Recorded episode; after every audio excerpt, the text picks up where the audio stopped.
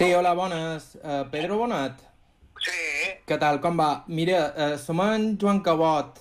Som amic del teu fill Julià. ah, sí, digues. Sí, sí, me va dir, sí, que m'ho va dir, sí, sí. Era perquè, uh, bé, no sé si vos va comentar que mos agradaria Sí. entrevistar-vos per xerrar dels fars Sí. i de l'ofici de farer. I era per saber com ho teníeu, vos. Com? Com ho teniu, per, perquè Sí, bé, quan vol, quan vols, això? El dimecres hora baixa vos aniria bé? Espera, dimecres a la baixa, eh, aquest dimecres d'ara. Sí. Sí, i a quina hora vols? A la... Com estàu escoltant, i mitja, aquests som jo, Joan Cabot, per servir-vos, intentant quedar amb Pere Bonat. Pere o Pedro, que és Sí, com, de fet, el coneixen a Llucmajor, al seu poble. Pere Bonat es faré jubilat, va arribar a coordinar tots els fars de les Balears i encara retirat és algú increïblement estimat dins el gremi. Avui a Aire parlarem de fars i de farers, de com era sa farer abans i en què s'ha convertit ara. Ho farem en dos personatges realment singulars. Uh, tu vendràs de Palma. Sí, vendré de Palma. Bueno, pues mira, eh, has de fer el següent. Eh, vas per la trobaràs, quan arribis, per, per l'autopista, Sí. trobaràs la casa Seat a l'esquerra. Sí. I a la dreta, Jardí Verd. Eh? En el final vaig aconseguir trobar-lo. Aquí comença un programa que avui hem titulat Una llum enmig del blau. Benvinguts a Aire.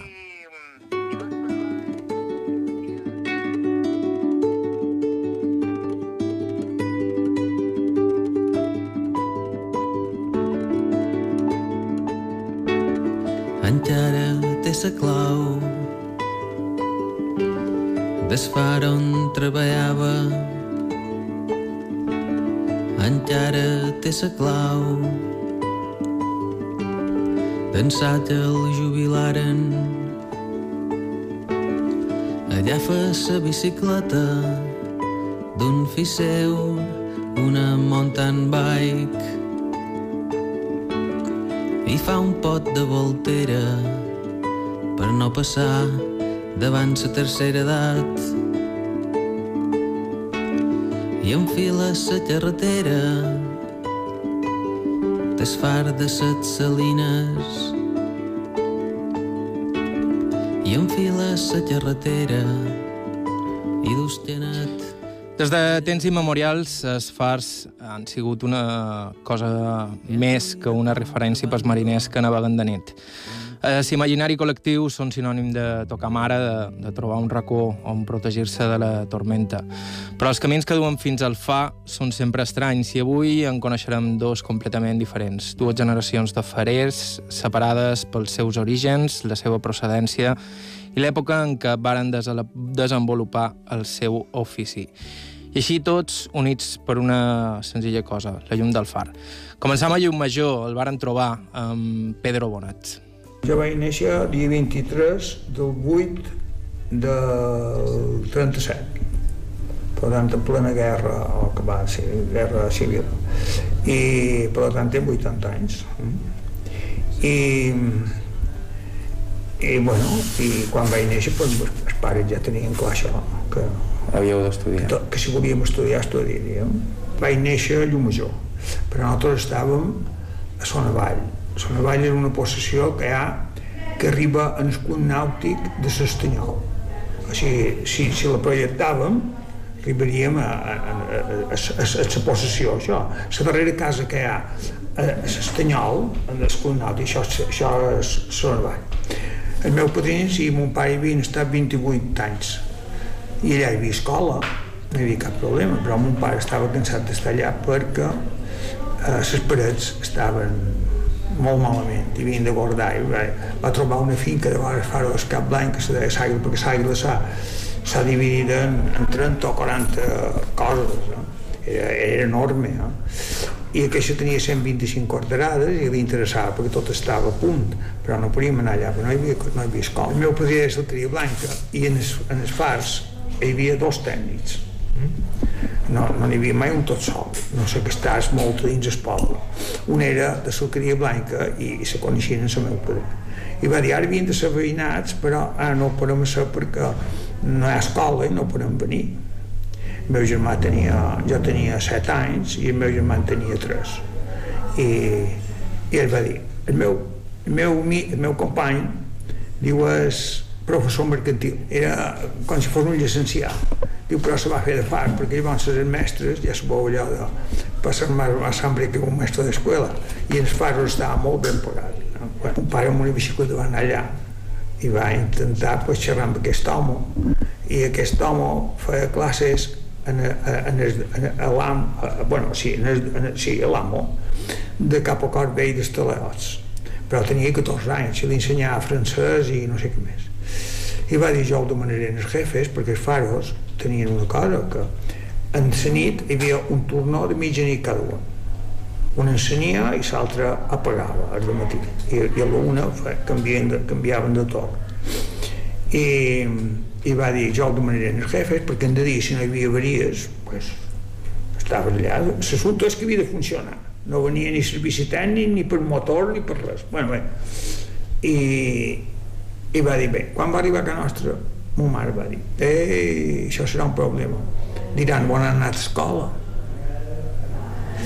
Mon pare va agafar un cotxe d'aquest de, de lloguer de, de, amb xòfer, se'n va anar de cap allà i se'n va dur a Batla, que era en Joan Mora, que era de Porreres, però era aquí, i, és, i aquest no sé el nom, eh? i és director de les escoles públiques i van allà i van fer un paper oficial que ara m'agradaria tenir-lo dient que tots els alumnes que passassin per allà serien... Sí, n'hi van passar 39 i una lota. I aquell home era un home molt futurista, me'ls feia llegir es, es, es Quijote, me'ls feia llegir, me'ls va ensenyar a llegir mallorquí, eh? o sigui, secundàries mallorquines, i escriure, no? Eh? Bueno, i me va dir, digues a ton pare i mare que venguin. I va, anava a dir, aquesta l'Aló d'enviar si no hagués estat per ell no hauria pogut ser de fars. O d'anar a estudiar a batxiller era un problema perquè aquí no hi havia ningú i bueno, van esperar que una padrina meva se, jubilàs i vengués a estar jo major. Clar, jo tenia 11 anys havia de complir 12 els havia complits. Jo crec que eren dos, no me'n recordo molt bé perquè fa molt d'anys i vaig fer ingrés primer i segon un any. Hi havia molta penúria eh? nosaltres no la teníem Mon pare, per exemple, va comprar un molí per fer farina. Teníem els plats, els plats amagat perquè no els requisassin i quan passava la Guàrdia Civil, la Guàrdia Civil crec que feia grossos. Una, un home cada, no cada dia, però feien farina per nosaltres. I ma mare me deia, no, a les hores baixes no t'enduguis berenar. El matí berenava antes d'anar perquè els pescadors, els fills dels pescadors, no tenien pa menjaven pa de, de blat de les Indris i per tant me deia, si fossin dos els podien donar, però si són 10 o 12 pues no. I vaig fer la primera comunió a l'Estanyol eh, hi, una, hi, una, havia una escola mixta. I era curiós perquè molta gent no ha anat mai en nines a escola més que nosaltres i vam anar cap l'any i, no, i, i, i no hi havia nines però bueno, no perquè, perquè no n'hi havia. No? Bé, i, i, i, bueno, i allà pues, eh, anàvem a escola, era partit i jo dinava a casa mestre la mestra no tenia, no tenia descendència estava casada i jo dinava amb ella mm? i bueno, i llavors a set anys i mig bueno, vam anar i vaig anar allà vaig venir aquí a Sant Bonaventura aquí, aquest col·legi de Sant Bonaventura era igual que el d'Inca, dels franciscans. Només havien d'anar a examinar morts a l'institut en les revàlides. A, a, a 8 anys i 9 llegia les rondades mallorquines, llegia llibres, llegia el Quijote, um, tampoc no tenien tant de llibres com, com hi va ara. Després, que per fascículs estàvem escrits a novel·les. No? Uh, bueno, i, i, i d'aquí va venir això. Eh? Durant molts anys, Pedro Bonat va combinar els seus estudis superiors en la seva vida fora vila. De fet, va ser, els seus pares van ser pagesos tota, tota la vida. Molts dels seus records de joventut, de fet, tenen a veure amb la pagesia. Nosaltres cantàvem cançons a cera. A cera. I, i lliurant. La de lliurar no me'n record bé, que me'n record bé és la del batre. Perquè, i després hi havia la de les ximbombes. Mm Fèiem ximbombes i anàvem d'un puesto a l'altre. Fèieu ximbombes, que vostre? Sí, els, els muntàvem. Mm -hmm. Teníem xots i el xot de la pell de, de, d'això fèiem això i com més, com més grossa millor jo vaig pesar una tonelada no? eren de test eren aquestes que eren de rodon això no ho havíem mai, de les veies No. Bé, ara ja són cats, eh, això. Primer hi havia un tubo mm, de 40, n'hi havia, rodó, amb una tapadora de, de marès, que poguessin passar, fora d'ells que poguessin passar. I, i les bresques eren rodones allà de dins. Quan això s'espanyava, teàvem, a vegades no molt ben teat, i fèiem un d'això, això feia una renovada que feia por, no? i me n'anàvem per, per, per les possessions a, a cantar. A cantar. Sí. I quan era que hi anàveu a cantar? En quins moments? Ves, els darrers dies, els darrers, un dia vàrem anar a, un, a, a, quan jo vaig acabar la mili, vàrem anar a Cas Capità, hi havia un pavelló nou, i, un, i a casa nostra hi havia dos homes que varen fer feina, un 30 anys i l'altre 26, i aquell no se va casar. I vàrem anar allà, i, i cantava bé, era la península, però cantava bé, i cantava un poc xamporrat, però cantava bé. I vàrem anar allà i duia un abric llarg, era l'hivern, feia fred, i, i, te'n riaves, perquè el, el capità va dir, no fasseu molta d'aigua, perquè mulàvem, ara ho fan amb una fuera, no, el seu és mullar, no? però bueno, anàvem alerta, això. Arribam, aquell s'enganxa, eren poals, i suposo que els poals tenen aquell sansa, tens, mm. se van guinxar en, en es, en, en, En en el poal, el poal tot per mi. Llavors un dia jo me vaig vestir de dona i, i quan vàrem ser una paret no vàrem poder votar, perquè el vestit no, no donava. No donava. Bueno, són coses així. Quina edat teníeu quan fèieu aquestes coses? Jo vaig començar pre, jo vaig començar a, a tocar gimbomba i això 12-13 anys, eh? sí. I, bueno, sabia un parell de cançons i després hi havia la de lliurar. La de lliurar era més lenta que la de, que la d'esbatre. La d'esbatre era així, era, jo no té molt la veu, eh? canta una coral però no té molt bona veu. Eh? Uh, faig teatre també. Bueno. Bé, uh, deia, muletes, muletes, bateu, bateu i fareu la paia menuda que si li feia llaiga i troncuda en si ben li trobareu eh? i jo és que me'n recordo molt bé d'esbatre perquè els diumenges quan vaig tenir de 7 anys o això, en bicicleta anàvem a el Florida Park a Serenal a ballar. I començaven a venir franceses.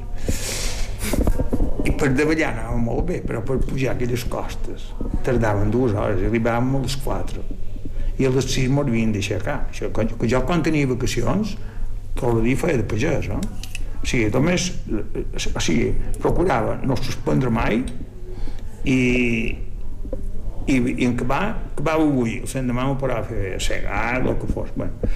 i clar, arribàvem a les 4 amb aquella calor, al Montsera n'hi havia poca de cantera sobretot els dilluns. I jo deia, cago un dia no hi tornaré pus però llavors els mai no me'n recordo digues. Nosaltres vam tenir una, una adolescència i una infància molt, molt agradable. Era, eren llibres és dir, eh, i a més que jo que nostra els pares eren molt, eren molt avançats. Podien, jo me'n recordo que 10 anys jo contava, no, no xistes però xistes de sexe i meu, els meus amics no els feia res que hi havia pares. En canvi hi havia puestos que i deien si venen els pares nosaltres no venim perquè eren mal sofrits eh, feien mala cara no, no, no que nostre no, no, no ho dic per res, és que és així eh? bueno, i llavors això va durar fins a 20 anys eh? no, no, no, de ver d'avui de ver d'avui se va perdre molt això llavors feien matances i, i bueno, les faves, les faveres un temps se, se, se, se, se segaven a mà jo això no ho he fet eh? Uh, era molt pesat eh? perquè els ronyons feien, feien una malada eh? bueno, venien quadrilles de dones i homes joves i, i no tan joves a segar, segaven tot el dia amb aquell sol, això era per juliol i al vespre sopaven i ballaven fins a, amb, amb un gramòfono ballaven fins a les 11 ara, mon anàvem a, a segar faves i hem d'anar són els pares o, o són llats, eh? perquè no estaran malalts, no, no, no servirem per res. Eh? Curiós. Era una, era una feina dura era... dura. Perquè a més, a sèrie això era dur, però era diferent, però això era molt dur. Hi havia gent que, que, que estava arruïnada a l'esquena. El problema que hi va va ser que jo de 8 anys ja em vaig anar a fer la mili, quan no vaig acabar el vaixell em vaig anar a fer la mili. Nosaltres vivíem a l'hora Punta Llovera, després de Regana ve Punta Llovera, i no ves cap l'any. I, i jo m'ho volia fer voluntari per, per acabar aviat, perquè la data era de 18 i 28 per fer oposicions a de fer a Madrid, eh, són funcionaris de carrera lletres, lletres C, eh? bueno, i jo me pensava estar preparat, però això mai se sap, no? i me vaig fer voluntari. Però, quan me vaig intentar fer-me voluntari, allà havien de firmar per 3 anys, i jo no volia firmar per 3 anys, m'hagués anat a, a aviació, que només feien 20, 22 mesos. I llavors, quan jo vaig estar a punt, va sortir 20 mesos, i me vaig apuntar allà. Quan surten les oposicions, mon pare havia demanat tres mesos per anar a l'acadèmia de Madrid. Però resulta que l'edat va canviar. Va quedar 21. Ja estem enrocats. Va resultar que després de la guerra civil espanyola n'hi va haver morts, desertors i un cor de 327 en van fer de 50 i no hi havia jubilacions. I em van dir, bé, no te preocupis, d'aquí dos anys n'hi haurà, cada dos anys n'hi hauria i estar no sé quant d'anys després de la guerra això, bueno, no van sortir bé. i em telefonen i me diuen de Madrid estaran com a mínim 7 anys Mare.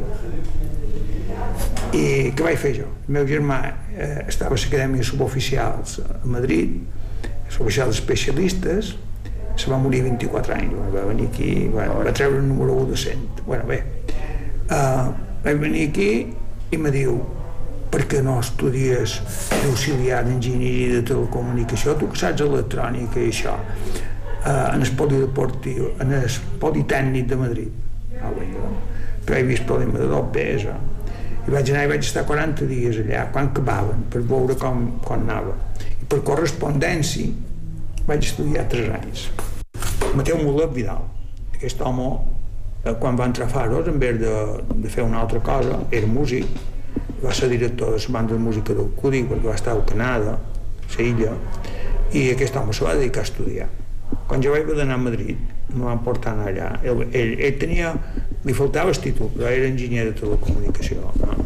I per tant aquest home feia, feia, era, era un gran expert en, en, en, en electrònica i en la meva germà vam fer una ràdio una ràdio manual Claro, veu no podia dir perquè se xupava totes les bateries, però amb aquestes làmperes petites, amb bateries que tiraven de telèfons, hi havia unes, bateries, unes piles així de grosses, els posaven en remull, posaven el negatiu s'espanyava, que era giny, i posaven una placa de giny amb un pot de sal, bueno, i tenien, bueno, se sentia, claro, a Mallorca tenia l'avantatge que la mà se sentia Ràdio Sevilla, Ràdio, Ràdio Madrid, Intercontinental, Ràdio València i tot.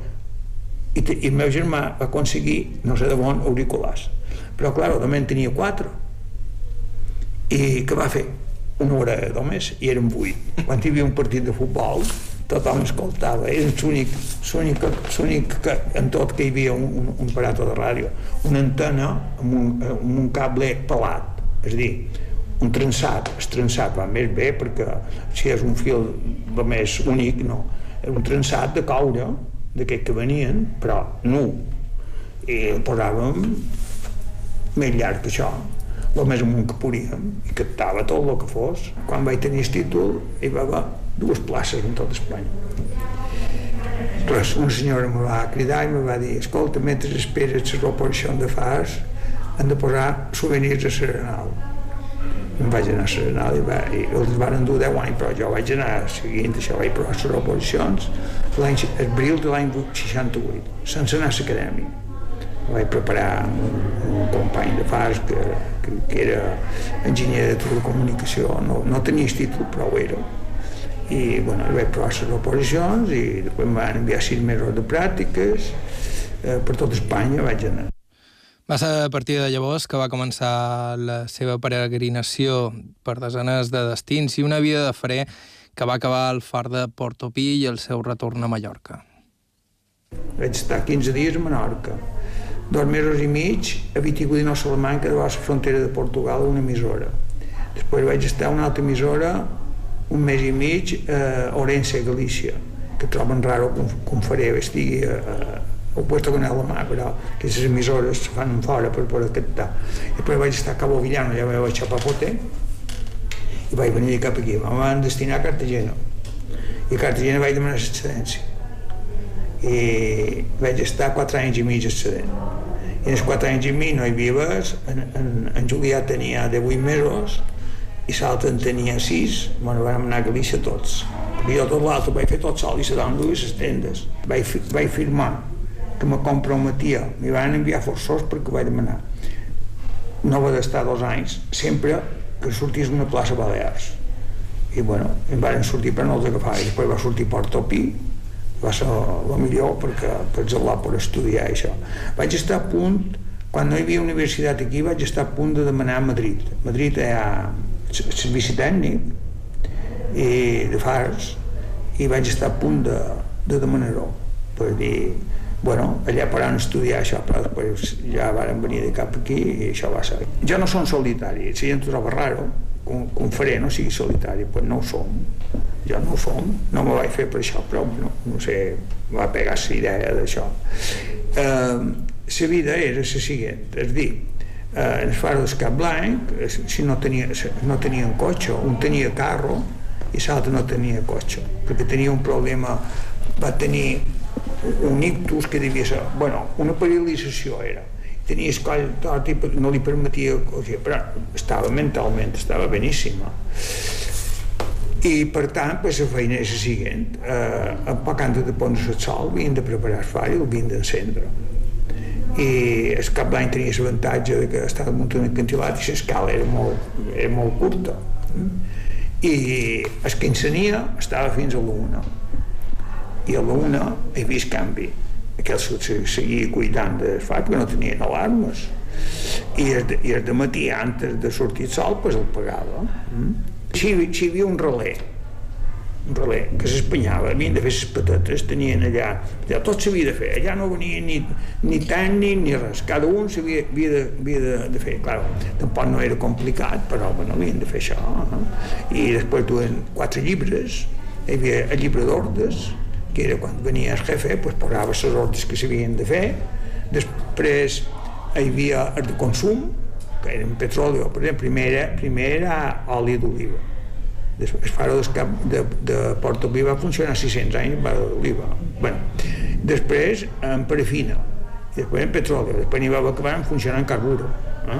Bueno, tot això s'havia de preparar, s'havia de fer net, i s'havia de, s'havia de demanar expedidors que es vessin de master, i llavors n'hi havia un de faros a la vista. Jo vaig començar, eh, era una làmpara Maris, que són com un quinquer, però tenen més, fo més forat de ventilació. Eh, de ventilació no, d'absorció d'això. O sigui, el problema que tenen els quinqueres que si tenen poc tiro fan poca claror. I això el que tenen és que si que el tenen 20 forats, per, per xupar aire, diríem, per la combustió, aquests en tenen 50. Eh? I hi havia una làmpara Maris. Però després, no sé per quin motiu, eh, hi havia un gasògeno. Si un dia va anar a unes fares que blanc veureu que hi ha un, com un garito a la, a la dreta conforme arribam i això era eh, perquè no, el carburó pot explotar i no estava de dins mai eh? i funcionava pues, mm, vosaltres no ho heu vist però en vez de botelles com ara en es, eh, en es, per soldar que, és, que les botelles que hi ha en els tallers hi havia un, un, gasó, un, un gasòmetre el gasòmetre, si aneu un dia en el, en, el, en el museu de Portopí, en veureu un, i funciona. Bo, no funciona, però pot funcionar, jo l'he fet funcionar. És dos compartiments a baix eh, de carburo. I després té, aquest no està ja ben fet perquè això ha passat moltes de mans. Tenien un senfí i estava ple d'aigua. La campana estava plena d'aigua quan no hi havia pressió es, es, es, com que la campana estava baix sortia l'aigua i projectava gotes damunt el carburo. Quan tenia pressió de gas la campana pujava i quan la campana pujava damunt deixava de tirar de tirar això i això durava tota la nit no? i després hi va haver el petroli a pressió. Això de 8 milles a 9 se va passar a 30 i a 25 era és un sistema que se diu eh, Chance també això ho veureu en, en, fora de Port, en, en el museu de Portopí, um, que donaven amb una bomba 400 manxades, que, bueno, quan, quan, quan havien de repostar, quan havien repostat no era tanta, però o sigui, si ara, per exemple, hi havia petroli per 3 dies o per 4, hi havia un que era de un, un que era d'aire i l'altre era de petroli, però se comunicaven i, i, i, i, i menjar de matins, hi havia millor 200 menjades, una cosa amb una bomba i posaven la pressió a 10 i, eh, i en Sibem passava 4 en 6 atmosferes pujava 200 però això era petroli a pressió pensau que la, fins l'any 1847 a Balears només hi havia faro de Portopí no hi havia altre far i l'any 1948 se va demanar el municipi de, de Solla va demanar perquè en aquell temps el port de Solla era més important que el de Palma per la proximitat a Barcelona i a França i després per una altra cosa perquè a la Dragonera hi havia pirates. Quan passaven un barco que passava si no era molt gros els, els se carregaven bueno, per tant no hi havia, quan hi havia mal temps i això, no hi havia una senyalació hi van fer faro de damunt faro de muleta o cap gros aquest és pagat per l'Ajuntament és l'únic faro d'Espanya que està pagat per l'Ajuntament i l'any 1847 se va fer el primer pla de fars aquí no hi havia pla, anàvem a remolc a França, a Suècia i tots aquests països. Bueno, i, I quan varen fer això, pues aquí varen fer el primer i varen començar a fer això. En 20 anys, l'any 1950 se varen fer, se varen començar a fer de Balears. Pensa que ja has vist quan hi ha en aquests ilots en 20 anys, mi sí se'm feia de feina, entens? En 20 anys se van fer tots els fars de, de Balears de l'any 50 a l'any 70. El darrer va ser Contenciola de Cabrera. El primer far que hi va haver aquí electrificat va ser eh, dia 12, si no vaig errat, de setembre, això no estic molt segur per la fetge, de setembre sí, de l'any eh, 1918. No? O sigui, fa, i se, se prometien encantat perquè era això, però era, era, era, va ser un martiri, tenint en compte que hi ha 180 escalons. No? i feien el servei damunt, però si no volien fer devien dir a ciutat Era un motor de gas pobre, això era aquell, aquell que anaven en llenya i s'espanyava l'alternadora i cada parell d'hores havien de, havien de canviar la reserva devien de posar la de petroli i canviaven, cada vespre hi havia tres o quatre, tres o cuatro gas que se espeñaban. Cuando yo entré era imprescindible ir siempre con un mechero, porque muchas de las luces eran de gas. Aquesta és la veu de Javier Pérez de Arevalo, el nostre segon faré del dia. Tenías que ir siempre con un mechero para hacer pruebas y demás. Hoy no puedes olvidarte el ordenador portátil porque tienes que ir a configurar tarjetas, a configurar programas. O sea, ha canviat 180 grados. La seva història la coneixerem d'aquí uns segons, aquí a Aire. A IB3 Ràdio, Aire.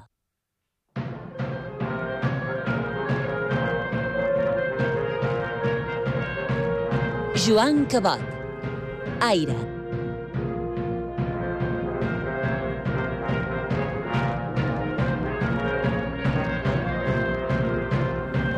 Continueu la sintonia de IB3 Ràdio, estàu escoltant Aire. En el programa d'avui ens acostam a la vida de dos farers a diferents, de diferents generacions, però amb tot un seguit de coses en comú, sobretot la pertinença a un estirp que, amb les seves pròpies senyes d'identitat, eh, com sempre han estat eh, farers. Han sentit a Pedro Bonat, retirat fa 20 anys. Sentim ara Javier Pérez de Arevalo, compositor i farer, o farer i compositor, que ha treballat durant anys al Far de la Mola, a Formentera, i actualment és un dels dos únics farers que queden a Balears.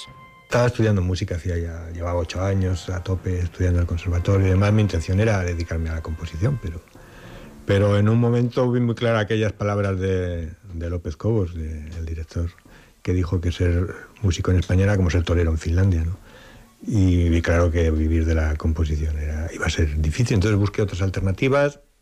En esa época era eh, militante de partidos, bueno, de partidos no, pero de grupos ecologistas. Mi ilusión era pues, vivir en, en plena naturaleza. Y busqué alternativas como los guardapantanos y los que están en antenas perdidos por ahí en los montes y farero. como siempre que iba a los festivales de Palomosí o a los festivales de música internacional de Santander, todos los veranos, me iba ya al camping y allí estaba el, faro de Cabo Mayor al lado, pues ya me picó la curiosidad y, y nada, y me metí farero. Fue muy complicado cambiar el chip, o sea, de estar todo el rato llevando prácticamente 10 años solo con corcheas, corcheas y mi corcheas, contrapunto, de repente electrónica y electricidad, pff, aquello fue terrible. Entonces, la primera vez lo intenté por libre, no, no aprobé. La segunda vez ya me fui, me metí en un programa, en un programa de la INEM, del INEM, para estudiar electrónica. Inmediatamente me fui, después de acabar el- esos meses, a Madrid, a una academia que se llamaba CENER, y preparaba a fareros exclusivamente. Y ahí aprobé a la segunda. Es verdad que el- el- la vida en el faro te atrapa por muchas cosas, pero y es que la palabra romanticismo uf, no, no la, no la llevo bien, ¿no? Y además, siempre estoy harto de decirlo, cuando pasabas la puerta del faro, el romanticismo se iba a la mierda. O sea, entras en un mundo diferente, para bien y para mal. Se te va la pinza muchas veces, porque es un mundo muy obsesivo. Pierdes muchas veces, sobre todo si es un faro aislado, claro, pierdes el contacto con las referencias que normalmente una persona que vive en sociedad tiene esas referencias. Tienes otras que son las la, la que te salen a ti. Y entonces esa fama de raros o de tarados que hemos tenido los fareros, muchas veces, muchas veces que ha sido verdad. Cuando yo estaba en el faro de Adra, un compañero amigo mío le habían destinado al faro de al lado de Sacratif, que es el único faro que tiene Granada. Este chico no es que hubiera perdido la olla, ni mucho menos. Yo me veía con él cada dos por tres, pero claro, él me contaba, ¿no? Dice, estaba solo en el faro, era, era de uno solo. Y me decía, no, tenía, él tenía un mastín, un mastín de los Pirineos precioso. Um, ah, no me acuerdo nombre del mastín. Bueno, la cuestión es que tenía una caseta para el perro fuera y cuando venía su novia de Madrid, pues le gustaba meterse en la caseta del perro con la novia. Porque, bueno, decía, es que es una versión diferente, tú ves, es algo especial, ¿no? Claro, el problema es que ya sabes tú que los faros son puntos turísticos de atracción. Y dice, joder, a veces había turistas y claro, nos veían salir de la caseta del perro. Y dice, seguramente no sería que estábamos como un cencerro. Y no es verdad, porque claro, la imagen que se llevan esos de fuera es que el farero está como una auténtica cabra porque está dentro de la caseta del perro. Pero no, es que es, ya te digo, coges otras referencias. La idea que se tiene de farero viviendo en un faro y ahí estás olvidado del mundo, bueno, todo eso a partir de 1917, cuando empezamos a implantar los sistemas de gas automáticos en islotes, los fareros ya no solo se ocupaban de su faro, es que se tenían que ocupar de ese faro y de las otras señales que tenían alrededor. Te pongo, por ejemplo, Calaciguera, acabamos de hablar de Calaciguera. Calaciguera sí, ahí vivían dos familias y tal, pero eh, en 1926 eh, ponen el islote del toro, eh, la baliza del islote del toro, con gas automática. Pues ya esos tenían que ir en barca allí y atender a esa baliza. No digamos los de Cabrera, los de Cabrera tenían que atender también en Aforadada y la baliza de Crehueta y la baliza de Llevet. Se van sumando cada vez más luces y más luces y más luces al trabajo de los fareros. Eso complica mucho las cosas, sobre todo en la época de gas, porque sobre todo aquí en Baleares hay muchas luces que están en islotes y el acceso a esas luces con mal tiempo es tremendo. Hay que tener en cuenta que la- las luces que van con gas, por ejemplo, la que yo en Berbería, duraba dos meses. A los dos meses eso había que cambiarlo sí o sí. O como cuando estaban en Algeciras las boyas.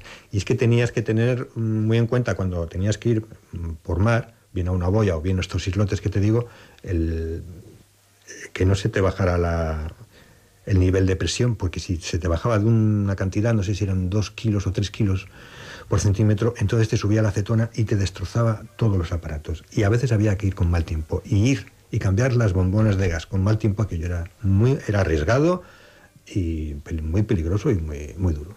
Mucha, eh, iba por temporadas, había temporadas de semanas y semanas igual que no ocurría nada, pero luego había otros mm, momentos en los que sí, se te juntaba todo. Hay que tener en cuenta que te estoy hablando de hace 30 años. Hace 30 años las líneas eléctricas a puntos como por ejemplo el Faro de la Mola era muy precaria. Teníamos caídas de tensión cada dos por tres. Basta que soplara un poco el viento para que se fuera la tensión al carajo. Entonces, ¿qué quiere decir? Que entraban los grupos electrógenos en marcha. Eso quiere decir que tuvieran, tenías que estar, primero, pendientes de que el grupo funcionara, de estar llenando los depósitos de gasóleo. Y eso te puede ocurrir en cualquier momento, como me ocurrió la noche vieja, la noche buena, como ha ocurrido, como siempre, con la ley de Murphy, en los peores momentos. Y luego la obsesión de que no te podías ir a ningún sitio porque te- no sabías si el faro estaba apagado o no. El problema, por ejemplo, de Formentera eh, es que, vale, hay, hay una responsabilidad de- del, del farero que es que el navegante depende de tu luz, ¿no? De que tienes que, que mantener esa luz iluminada para la seguridad del navegante. Pero luego hay otra presión que la gente no es consciente, es la presión de tierra. Sobre todo en faros muy presentes como es el de la mola, en donde si cualquier avería que podía haber tenido, que pudiera haber tardado, lo normal es que tardara media hora, una hora como mucho en repararla, pero a veces, oye, podía ocurrir que pasan dos horas o, tres horas, me ha podido ocurrir. Una noche entera, nunca, en los 12 años que he estado allí. Pero es que al día siguiente tenías a toda Formentera, bueno, a toda Formentera es una exageración, pero a toda la mola y a media Formentera, oye, que ayer tenías el faro apagado, oye, que ayer tenías el faro apagado. Eso te crea una psicosis, que es que no podía ir. Los viernes había cine en, en San Francisco y a veces decíamos era una película, es que no podía ni disfrutar, porque estaba con una tensión terrible que me encontraba al volver. Y eso sí que es estresante. Pérez de Arevalo no és un farer tan estrany. El que sí és, és un farer que s'ha dedicat a estudiar el seu ofici i la història del seu ofici. De fet, és autor d'uns quants llibres sobre la matèria. Que yo sepa, ha habido bastantes fareros músicos, por ejemplo. Bueno, bastantes. Yo sé de dos más. Por ejemplo, un tal Juan Am- Amengual, que estaba en Cap de Pera, tocaba la bandurria, eh, componía habaneras, algunas se hicieron bastante famosas en la zona de Cap de Pera, de Cala Rayada, daba clases. Estaba José Gradaille, que estuvo en La Mola, pero luego estuvo aquí en Sacreu y en el puerto de Sóller también daba clases de música. Bueno, que yo sepa de nosotros tres. Por lo tanto, ya no es tan raro, ¿no? No sé. Yo quería un sitio tranquilo para poder ahí dedicarme a la música.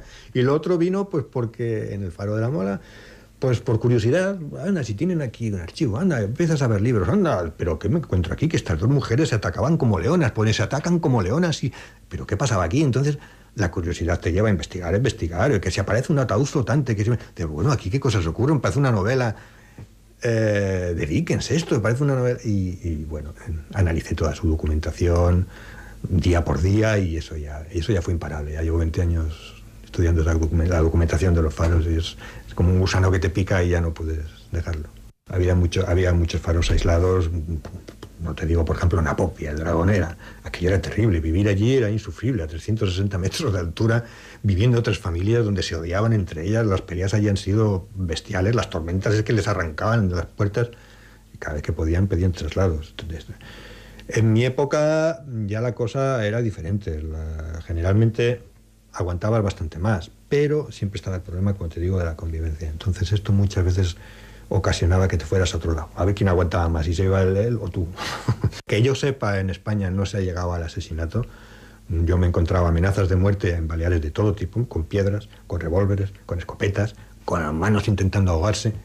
Me lo he encontrado de todo. Eh, magia negra, en, eh, aquí, aquí, con gallinas cortadas el cuello y sal. Me he encontrado de todo lo que quieras, pero no me he encontrado asesinatos. Y que yo sepa, en España no hay, pero son famosísimos los asesinatos entre fareros en Escocia, en Francia, en Australia. Pues han llegado a, a matar entre ellos. Y luego los enclaves, yo creo que hay, que hay lugares malditos, hay enclaves que, que trastornan. Hay que, hay que sumar el estar viviendo en torno a un eje de una torre, compartiendo el trabajo, lugares donde el viento es continuo, muchas veces, muchas veces, donde te vas obsesionando y obsesionando y al final le das importancia a cosas que, como te digo, gente en una ciudad pensaría que es una tontería. Esa tontería allí se convierte en, un mundo. Una tontería como puede ser, mira, tú esto no lo has limpiado, esta mota de polvo. Es un mundo muy obsesivo. Yo me he encontrado escenas que lo ves en una película de, de terror psicológico y dices, caray, qué imaginación. Mm, Pues me lo he encontrado. En el faro de Ahorcados, por ejemplo, las dos familias que vivían allí, por supuesto enfrentadas, pues padres e hijos estar ahí a la puerta de la otra vivienda a la noche, ya cuando se echa el sol, y ponerse en la puerta, abrir la puerta y ponerse a mirarles a todos así. Y los otros viendo cómo les están mirando.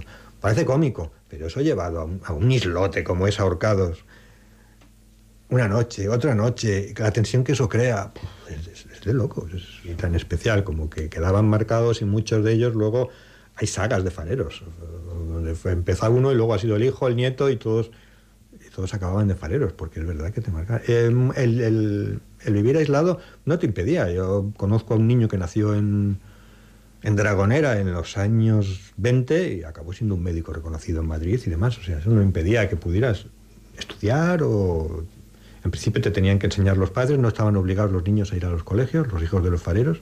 Lo que tenían que ir es una vez al año a que el maestro del pueblo más cercano, si hablamos de Dragonera, por ejemplo, Andrach, el maestro o el alcalde te hicieran un examen y pudieran comprobar que esos padres, que esos fareros te estaban enseñando lo que tenías que aprender. Si no, les caía un buen rapapolvo, ¿eh? incluso les podían expedientar. Los faros se convirtieron en escuelas, en lugares aislados donde a los países de, de alrededor les era más fácil llevar a los niños al faro que no a la, escuela del pueblo. Eran centros de estudios comparados en el entorno aislado en el que vivían, en un, en un entorno muy rural, muchas veces de personas eh, en un entorno aislado en el que pues, pues la educación era, era muy básica, muy básica. Entonces el farero, claro, despuntaba y podía enseñarles la enseñanza primaria sin ningún problema a esos niños, claro. Incluso en mi época eh, eran sonados casos de compañeros que no, que no aguantaban, depresiones, eh, dejaban el trabajo. ¿no? No, no. Es, que, es verdad que tienes que estar no una parte, una parte especial, te tiene que gustar eh, la tranquilidad, te tiene que gustar la rutina, y mucha rutina en los faros, mucha, mucha, mucha. Y como a ti lo que te gusta es estar cambiando, lo llevas claro. Te tiene que gustar la naturaleza y, vivir en, tranquilidad y soportar el aislamiento y la climatología dura, porque parece muy bonito, muy romántico, pero los vientos, las tormentas, los faros son lugares donde generalmente te arrean los rayos los, y soportar los rayos es, duro y muy peligroso. Mucha lectura, muchos paseos con los perros y, y, mucha música. Luego muchas, muchos, muchos fareros eran grandes pescadores. No era mi caso, ni la pesca no me, atraía, pero un altísimo porcentaje de fareros han sido unos pescadores formidables. Por una parte los fareros se llevaban fatal entre sí, eso es un clásico, pero es que luego entre, entre ellos se llevaban mal con los marineros. Entonces casi siempre las guerras y las luchas con los marineros venían entre que los marineros tenían un pliego de condiciones que cumplir, eh, que era llevarles una vez a la semana, llevar la comida hasta el faro, el cargamento, pero luego siempre había riñas que decían que ellos no tenían por qué llevar a esto siempre había como una especie de que los fareros se sentían un poco profesionalmente por encima de los marineros y los marineros se sentían un poco por debajo y ahí empezaba la lucha. Y a veces han llegado a, no te voy a decir a las manos, pero sí a las denuncias. Ha habido denuncias entre ellos, mucho mmm, puteo hablando, hablando mal de, por ejemplo, dejarles la comida sin avisarles en el muelle y venir el agua y encontrarse en los fareros toda la comida podrida porque se la han dejado ahí queriendo de mala manera. Igualmente para los faros había que llevar aquí en Baleares una vez a la semana los víveres. Porque es que aquí muchos estaban en islotes o, faros como Cabo Blanco o Calafiguera, que parece que están cerca de Palma, durante muchísimo tiempo estaban aislados y se les llevaba el abastecimiento por barca. La relación que había entre los marineros y los fareros también fue terrible. O sea, hay casos, pues, por ejemplo, en Dragonera o en Cabrera, de enfrentamientos muy fuertes entre estos dos gremios, el de los marineros y el de los fareros. El nostre segon protagonista d'avui eh, són dels dos farers que encara queden a l'illa. Dos, de fet, per a totes les Illes Balears. La historia de los faros, desde que empieza el primer plan de alumbrado marítimo en 1847 hasta hoy en día, pues, ha, ha, cambiado muchísimo. La dependencia que tenían los navegantes en aquella época de un faro era brutal, no solo del faro, sino de los fareros. La cantidad de rescates de náufragos que han hecho, por ejemplo, los, faros, los fareros de Penjats, de, de Cap de Pera, de Dempou, se han tirado al agua cada dos por tres, han salvado cantidad de vidas. Poco a poco la navegación dejó de ser a vela, dejó de ser a remos, y iba ya a motor, la, la navegación fue siendo más segura, la cantidad de naufragios fueron menos. Y, y, incluso ahora ya con los sistemas que hay alternativos de, orientación, de navegación, por GPS diferencial, por GPS normal, eh, por el RACON, el ICE, etcétera, etcétera, pues esto, claro, es un apoyo que el faro ha quedado un poquito relegado en cuanto ya no tiene esa primacía que tenía antes, que era, digamos, la luz del navegante. Primeros faros decimonónicos había muchos que eran luces fijas, como por ejemplo el faro de la Mola. El faro de la Mola empezó en 1861 siendo una luz fija. Hasta 1900, hasta 1928 no se ritmificó. Eh, lo que pasa es que eh, cada vez había más navegación y entonces estas luces fijas eh, empezaron a ser muy, muy confusas. Un navegante ya no sabía si esa luz fija de noche era una estrella, era una casa, cada vez había más casas en la costa, era el mástil de un barco, era un faro. Es por eso que a partir de 1902 el gobierno de España obliga a que todos los faros tengan un ritmo. Y desde entonces los faros están ritmificados. Se pueden repetir ritmos, sí. Lo que se intenta es que desde un mismo punto en el mar tú no veas dos faros con el mismo ritmo. Todos los años se edita un libro que se llama Libro de Faros y ahí te viene todos los libros, todos los faros con su apariencia diurna y nocturna, porque tienen apariencia diurna también. Es decir, los navegantes también si cogen ese libro de faros ven, por ejemplo, la apariencia diurna del faro de Formentor, pues eh, torre tronco cónica blanca, edificio blanco con persianas verdes, todo eso está escrito en ese libro. Y luego está la apariencia nocturna, por ejemplo, Formentor, por cuatro destellos cada 20 segundos. Todo eso está en ese libro. Desde el reglamento de 1873, el reglamento de los torreros de, faros, porque nosotros entre nos llamábamos torreros de faros, hubo un primer reglamento de 1851, pero desde el de 1873 se especificaba en ese reglamento que los fareros estaban obligados a rescatar a los náufragos, sin perjuicio del, del servicio. Claro, el faro no se podía quedar apagado, pero sin perjuicio del servicio tenía, estaban obligados. Y eso hacía que la verdad se jugaran la vida, se jugaran la vida tanto que han muerto bastantes fareros. Por ejemplo, el 11 de febrero de 1881, los dos fareros del faro de Orcados, de Penyats, se lanzan a salvar los náufragos del buque Flaminian, un buque inglés que estaba ahí al lado, en las en esas sillas negras. Y murieron los dos ahogados, mientras las mujeres veían cómo se ahogaban. También ha habido muchos que, al revés, que han logrado salvar las vidas y luego han sido eh, han sido recompensados y han sido condecorados. Por ejemplo, en la Mola hubo uno que fue de- condecorado, que luego vino aquí a Calafiguera, en Cap de Pera fueron condecorados. En la Mola, el año 44, incluso fue eh, recompensado con mil pesetas y un diploma nada más y nada menos que del gobierno nazi de Hitler, porque rescató un piloto de, de la Luftwaffe eh, que cayó justo enfrente del faro. ¿no? Hay puntos negros, hay puntos negros, por ejemplo, los Freus de Ibiza y Formentera es un punto negro. La costa norte de Menorca es un clarísimo punto negro donde ocurrieron cantidad de naufragios. De hecho, si se creó el primer plan de alumbrado marítimo en 1847 es por la presión de los gobiernos franceses e ingleses de que estaban hasta la coronilla de la cantidad de naufragios que había, por un lado, los ingleses en las costas gallegas y los franceses en las costas baleares, sobre todo en estos sitios que te digo, costa norte de, de Menorca y, y, y Esfreus. Esa presión hace que al final el gobierno de Isabel II eh, crea este, este plan de alumbrado marítimo. Y después los fareros pues, pues se han lanzado al agua cada dos por tres. Y luego hay dos momentos claves, Primera Guerra Mundial y Segunda Guerra Mundial. También ahí les obligan a estar atentos a ver qué ocurre, qué buques pasan y la cantidad de, militares extranjeros que han, que han rescatado fueron bestiales, de buques italianos, de buques canadienses, canadienses, eh, pasando por Cabrera, de buques ingleses. Tremendo. Te puedo decir que, por ejemplo, Eusebio Talón, un compañero nuestro, que se jubiló hace ya casi 17 años y que estaba en el faro de Calafiguera, pues este hombre en los años 60, incluso en los años 70, ha salvado la vida de, de náufragos que se estampaban ahí contra la punta del Mulá. Esta punta que hay ahí abajo del faro de Calafiguera es muy, muy mala para los navegantes. Hasta nueve personas ha llegado a rescatar este hombre. Se una cuerda y se tiraba allí. Te puedo decir que, por ejemplo, Eusebio Talón, un compañero nuestro, que se jubiló hace ya casi 17 años y que estaba en el faro de Calafiguera, pues este hombre en los años 60, incluso en los años 70, ha salvado la vida de, náufragos que se estampaban ahí contra la punta del Mulá. Esta punta que hay ahí abajo del faro de Calafiguera es muy, muy mala para los navegantes. Es muy bonito verlo romántico y demás, pero entre los que morían, eh, los, los que se suicidaban, eh, hay muchos, muchos casos. O sea, que no puedes decir que, oh, qué maravilloso, qué romántico. Otra cosa es venirnos al siglo, a la segunda parte del siglo XX y siglo XXI, donde sí la cosa es muy diferente. Pero hay una historia que no podemos olvidar. Por hoy es impensable que la referencia visual desaparezca. Te lo dicen así los propios navegantes y los propios capitanes de buques de línea. Tienen todos los aparatos radioeléctricos del mundo, pero la referencia visual les aporta una seguridad extra que no quieren ni pensar. Pero tenemos ya el ejemplo americano. En Norteamérica ya hay 200 faros que han eliminado. O sea, los han vendido literalmente y se han quitado la luz. Entonces, como muchas veces en, Europa seguimos ese camino, no te digo yo que no se vaya a hacer lo mismo. Lo que pasa que ahora, ya son muy poquitos los que quedan en los faros, todos los sistemas de balizas y faros, yo creo que en toda, en toda España, y aquí en eso también hemos sido un poco pioneros, están eh, monitorizados están telecontrolados. Entonces ahora, pues, en un ordenador sabemos cómo está cada faro, si hay una alarma importante. Alarma importante decimos que es, por ejemplo, en los faros de rotación, fallo de rotación y, por supuesto, apagado de luz. Nos llega una alarma a los, a los teléfonos móviles, hay un servicio de urgencia, entonces, bueno, ahora somos dos fareros, solo para toda Mallorca, dos, Paco y yo. Se supone eh, que si esa avería la detecta el encargado a una primera hora nocturna, nos avisa y tenemos que ir. Hace 15 días hemos estado en el puerto de Palma porque una luz había apagado, una baliza.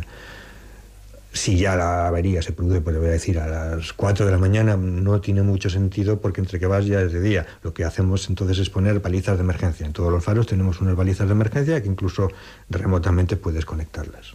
Hay un corporativismo muy fuerte, pero el decir que alguien es farero es como decir que es de tu familia, para nosotros. Es algo especial. Si es farero ya es alguien tuyo, es alguien Luego lo que pasa es que, como te digo, ha habido muchos enfrentamientos y entonces hay algunos que no pueden ni ver a otros. Però basta que te digan que alguien és farero i, no sé, com dicen que és tu primo.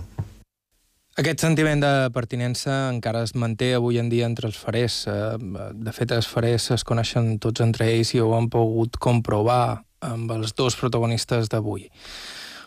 Avui en dia ja no hi ha farers en els fars, eh, la tecnologia ha substituït el sacrifici de famílies senceres que vivien en aïllament, un modus de vida que, segons Javier Pérez de Arevalo, forma part també del nostre patrimoni, un patrimoni que ell, de fet, continua reivindicant.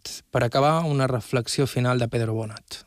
La nostra generació ha, ha fet un canvi que no crec que hagi ningú no crec que hi hagi generació que tingui el canvi que hi ha. Se veuran coses noves, però la nostra va ser de 0 a 100.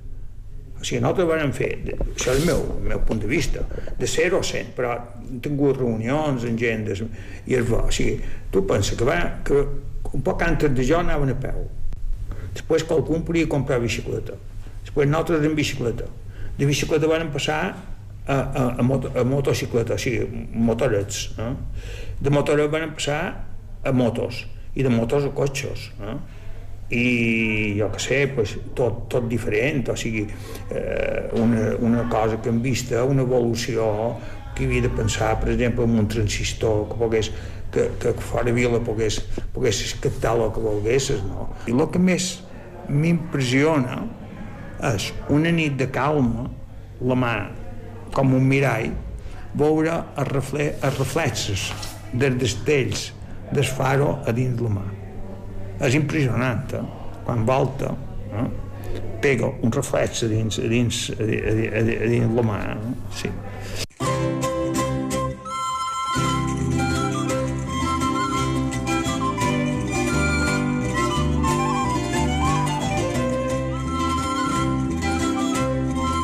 I fins aquí Aire per avui. Gràcies a Pedro Bonet i a Javier Pérez de Arevalo per la seva paciència i gràcies també a Julià Bonet, Mateu Moll, Jordi Pol i Cesc Molet per la seva ajuda en el programa d'avui. Aquest programa es realitza cada setmana a partir de materials que formaran part dels arxius del so i l'imatge dels Consells de Menorca Eivissa i Formentera i de l'Arxiu Oral de Mallorca de la Fundació Mallorca Literària Consell de Mallorca. Ens podeu seguir a Facebook, a Aire IB3, a Instagram, aire barra baixa IB3 i també ens podeu contactar a través del nostre correu electrònic aire arroba ib3radio.com Miquel Àngel Fiol a la producció tècnica, vos ha parlat Joan Cabot, fins la setmana que ve. Estima